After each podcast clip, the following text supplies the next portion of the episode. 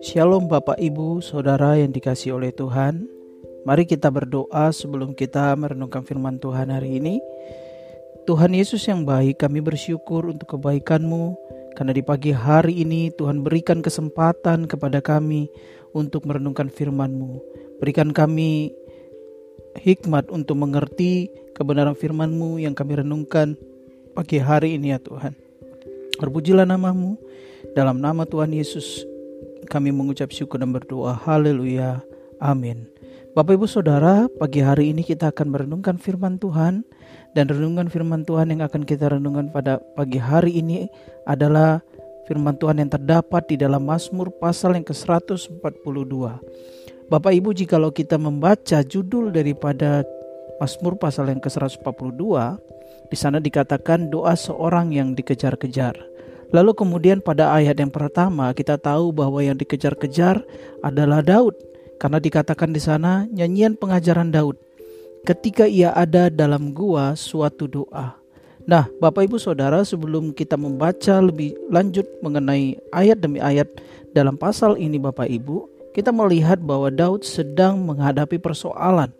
Persoalan yang dihadapinya dijelaskan pertama sekali di dalam judul ini yaitu dia sedang dikejar-kejar. Apakah dia akan dibunuh? Apakah dia dikejar-kejar oleh musuhnya, Bapak Ibu Saudara? Tetapi yang paling penting ayat ini atau pasal ini menjelaskan tentang Daud yang sedang menghadapi persoalan, lalu kemudian dikejar-kejar oleh musuh atau mungkin oleh orang-orang yang tidak menyukai dia.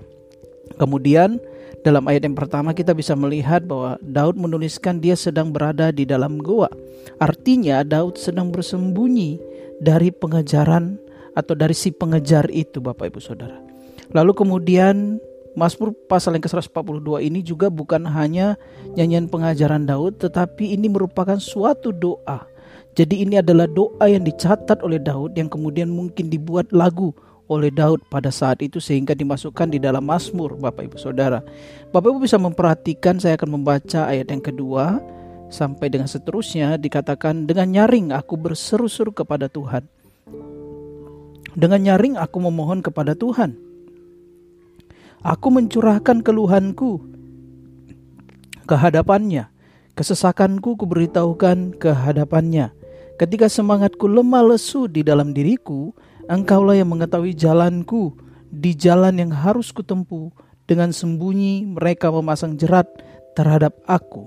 Bapak Ibu di dalam ayat yang kedua sampai dengan ayat yang tadi saya baca yaitu pada ayatnya yang keempat Bapak Ibu bisa memperhatikan di sana bahwa Daud mengungkapkan bahwa dia sedang berseru kepada Allah, dia sedang berdoa kepada Allah memberitahukan apa yang sedang terjadi atas hidupnya. Dia mencurahkan segala keluhannya, mencurahkan segala kesesakannya di hadapan Tuhan. Mengapa dia melakukan hal ini? Ya, dia menjelaskannya karena semangatnya telah menjadi lemah. Dia telah menjadi lemah. Dan kita bisa melihat di dalam ayatnya yang keempat, kita akan bisa mengetahui bahwa bukan hanya keadaannya semangatnya menjadi lemah, tetapi Daud juga menjadi kebingungan dengan apa yang sedang dia hadapi. Dia tidak tahu harus bersembunyi di mana. Dia tidak tahu harus melakukan apa. Sehingga dia datang kepada Tuhan dalam doa dan memohon kepada Tuhan dengan segala keluhannya di hadapan Tuhan. Maka Daud mengatakan dengan sembunyi mereka memasang jerat artinya setiap jalan Daud itu ada bahaya yang sedang menantinya. Sehingga dia berseru kepada Tuhan karena Tuhan yang paling tahu batas kekuatannya dan Tuhan yang paling tahu ke mana dia harus pergi. Lalu dilanjutkan Bapak Ibu Saudara, dikatakan dalam ayat yang kelima, pandanglah ke kanan dan lihatlah, tidak ada seorang pun yang menghiraukan aku, bahkan orang-orang di sekelilingnya pun meninggalkan dia. Mungkin ada orang-orang yang meninggalkan dia karena ketakutan. Atau ada orang-orang yang meninggalkan dia karena mungkin tidak suka dengan Daud, lebih setuju dengan si pengejar ini Bapak Ibu Saudara. Lalu dikatakan Daud kemudian mempertegas kembali, tempat pelarian bagiku telah hilang, tidak ada dia tidak tahu harus pergi ke mana dalam pelariannya. Tidak ada seorang pun yang mencari dia. Tidak ada seorang pun yang berniat untuk membantunya dalam persoalan yang dihadapi. Kemudian yang keenam dia katakan lagi aku berseru-seru kepadamu ya Tuhan. Kataku engkaulah tempat perlindunganku. bagianku di negeri orang-orang hidup. Bapak Ibu Saudara, pada ayat ini akan menjadi renungan kita bahwa Daud ketika dia menghadapi persoalan yang begitu berat, ketika dia menghadapi jalan buntu, ketika tidak seorang pun menghiraukan dia, dia datang kepada Allah oleh sebab dia tahu bahwa Allah adalah tempat perlindungan. Bukan hanya tempat perlindungan. Dia mengatakan bahwa Allah adalah bagiannya. Artinya Allah adalah miliknya dan dia adalah milik Allah Bapak Ibu Saudara. Bapak Ibu, bagaimana ketika kita menghadapi persoalan dalam kehidupan kita, Bapak Ibu Saudara? Di dalam kehidupan ini, selama kita masih hidup, kita pasti akan terus berada dalam pergumulan. Apakah itu pergumulan persoalan ekonomi, apakah itu pergumulan sakit penyakit, atau pergumulan anak, suami, istri, apa pun, Bapak Ibu Saudara, pekerjaan itu juga akan bisa menjadi pergumulan bagi kita. Selama kita masih bernafas, selama kita masih hidup, tidak ada satu orang pun di antara kita yang tidak akan mengalami pergumulan. Bahkan tidak ada satupun di antara kita yang tidak akan pernah mengalami masalah. Setiap masa, setiap kita pasti akan menghadapi persoalan. Tidak penting apakah persoalan yang sedang kita hadapi. Tidak peduli apakah kita akan mengalami persoalan, kapan akan mengalami persoalan atau tidak. Yang terpenting adalah ketika kita menghadapi pergumulan, ketika kita menghadapi persoalan, ke mana kita pergi apa yang harus kita lakukan? Apa yang kita lakukan Bapak Ibu Saudara? Kepada siapa kita mengadu dan berharap? Daud menyadari bahwa Allah adalah tempat perlindungan baginya. Bukan hanya tempat perlindungan, dia menyadari dan mengakui bahwa Tuhanlah satu-satunya yang menjadi pemilik hidupnya, yang dia miliki dalam kehidupan ini. Apakah Daud tidak ada orang-orang yang setia dengannya pada masa itu? Saya yakin ada. Ungkapan Daud mengenai orang-orang tidak ada yang mencari dia, ungkapan dia mengenai bahwa uh, sekelilingnya tidak ada orang yang bersama-sama dengan dia, bukanlah dapat diartikan bahwa Daud itu uh, tidak ada yang mengikuti. Saya yakin ketika dia di dalam goa itu ada orang-orang yang bersama-sama dengan dia. Tetapi Daud ketika dia melihat itu dia menyadari bahwa semua itu tidak bisa menolong hidupnya. Tidak bisa menolong dia dari segala apa yang dia sedang alami. Maka dia katakan tidak ada yang bisa, tidak ada yang mampu. Sehingga dia berdoa dan berseru kepada Allah karena Allah adalah tempat perlindungan dan yang menjadi miliknya. Yang menjadi menjadikan dia adalah milik daripada Allah, milik kesayangan daripada Allah. Daud merasa tertekan dengan persoalan ini sehingga dia katakan di dalam ayat yang ketujuh, perhatikanlah teriakku, dia sampai teriak.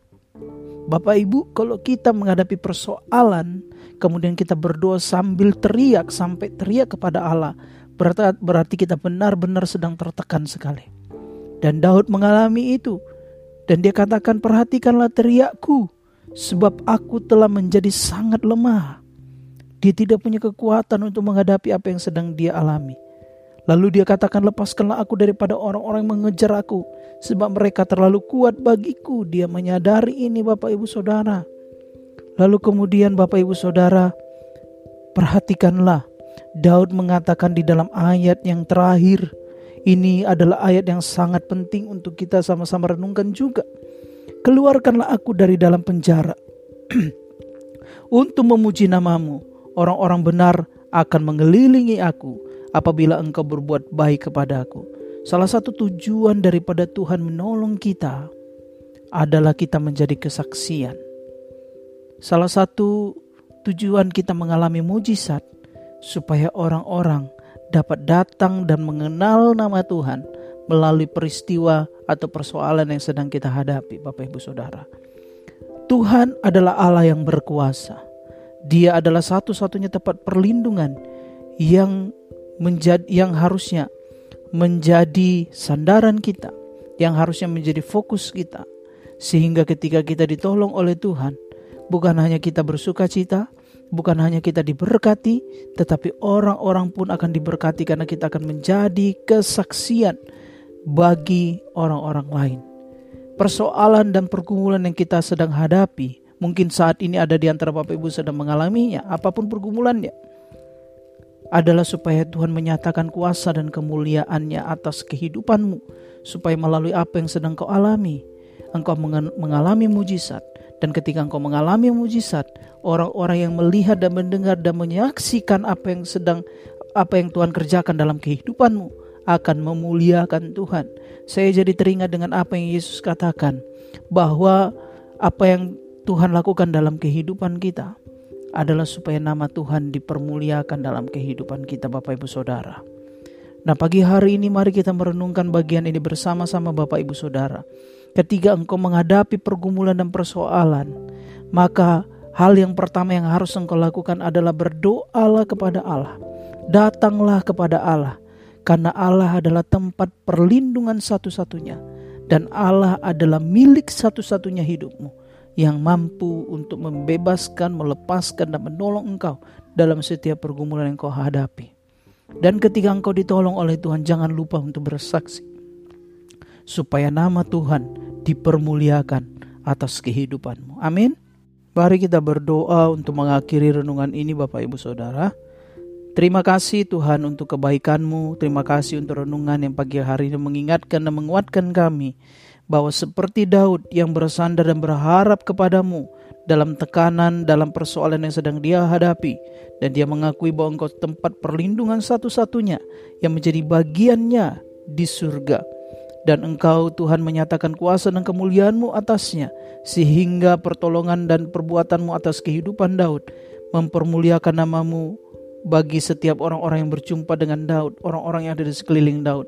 Demikian juga kehidupan kami, kami rindu ya Tuhan dalam setiap pergumulan yang kami sedang hadapi hari-hari ini, dalam setiap tekanan ataupun peristiwa yang sedang kami hadapi yang membuat kami berteriak dan berseru kepada Allah di dalam doa.